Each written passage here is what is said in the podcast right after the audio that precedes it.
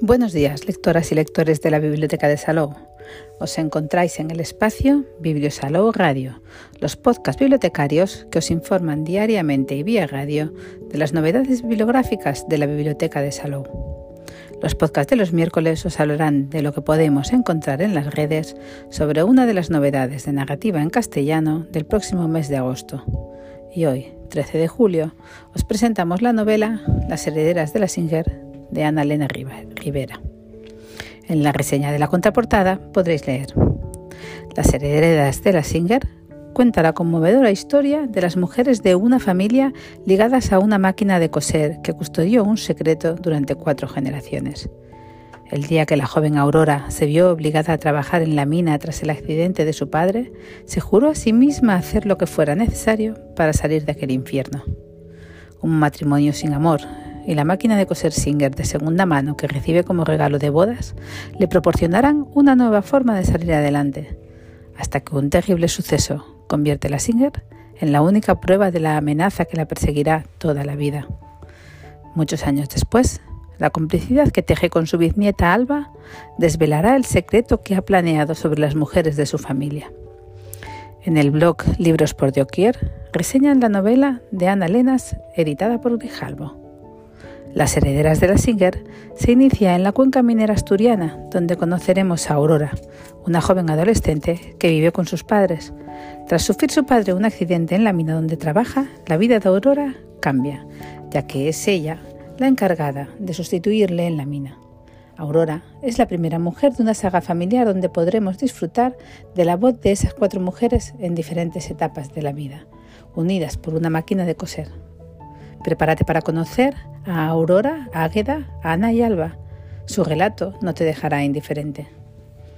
Evidentemente, la fuerza motora de esta novela radica en sus personajes, sobre todo en los femeninos, unos personajes que Ana Elena ha cincelado de forma precisa, dotándoles de todos los atributos necesarios para que el lector empatice con ellos, tanto si comparte su modo de actuar como si no lo hace unos personajes muy fuertes y luchadores, en ocasiones adelantados a su época y en otras ocasiones mujeres sumisas, que se dejan llevar por el devenir de los acontecimientos que pasan en sus vidas sin intentar cambiarlos, pero que en cierta medida luchan por ser libres.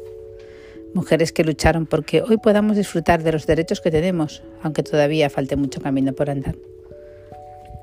Uno de los puntos fuertes de este libro, que a priori puede que no lo pareciera, es la estructura del mismo. Tengo que decir que tras su lectura tengo claro que esa forma de narrarlo es la clave para que el libro sea redondo, para que se entienda en todo su contexto, para que consiga llegar al lector. El libro no tiene una estructura lineal, sino que va dando saltos en el tiempo a lo largo de todos los años y alternando las distintas voces de cada una de las mujeres protagonistas. Cada parte está perfectamente identificada, tanto por la voz narrativa como por el año en el que pasan los hechos, de forma que no nos perdemos en su lectura. Creo que la autora ha conseguido dar un efecto impactante para que el libro no pierda el ritmo, ni tampoco su interés. Las herederas de la Singer es una novela que nos sirve para hacer un recorrido por la historia, tanto de nuestro país como del mundo en general. De forma natural, se van narrando hechos históricos que acontecieron a lo largo de los años que abarca la trama, así como así somos partícipes de la ilusión al ganar la Copa del Mundo de Fútbol, de la caída de las Torres Gemelas, o incluso de los primeros días del confinamiento que sufrimos a causa de la pandemia. Son varios los temas tratados en esta novela y todos ellos han sido contados de forma maravillosa, haciendo que la historia sea entretenida y al mismo tiempo con algo de intriga. Las diferencias sociales marcaron la vida de algunas de nuestras protagonistas, así como la importancia de tener un buen apellido para que todo sea más fácil.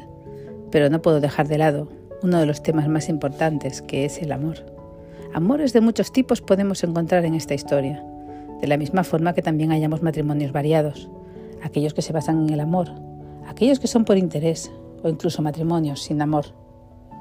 También el tema de la vida familiar y laboral, la llamada conciliación familiar y el techo de cristal al que las mujeres estamos sometidas, la mayoría de las veces por el simple hecho de ser madres. Y un libro es redondo, si el final está a la altura, y en las herederas de la Singer así ha sido. Un final tierno, que me ha hecho cegar el libro con una sonrisa y con mucha pena por dejar atrás a estos personajes tan maravillosos. ¿Y qué sabemos de la autora? Ana Elena es escritora, está casada y es madre de un niño. Después de 20 años en la dirección de una gran multinacional, empezó a escribir cuando le prescribieron reposo domiciliario durante el embarazo.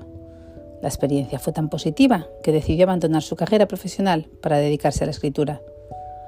Ha publicado tres libros de la serie Gracias San Sebastián, investigadora de fraudes financieros. El primero, Lo que callan los muertos, galardonado con el premio Torrente Ballester. Un asesino en tu sombra y los muertos no saben nadar. En el último libro publicado, el que ocupa este podcast, hace un cambio de registro, pasándose a la novela histórica sobre una saga familiar. En la Escuela de Escritores imparte el taller He escrito una novela, ¿y ahora qué? En el que analiza el mercado editorial y las opciones para moverse en él al alcance de cualquier escritor novel. Como siempre, en la biblioteca podréis coger prestados los anteriores libros de la autora.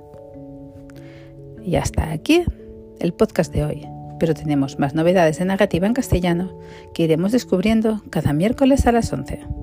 Que tengáis muy buen día y muy buenas lecturas que os acompañen en el día a día.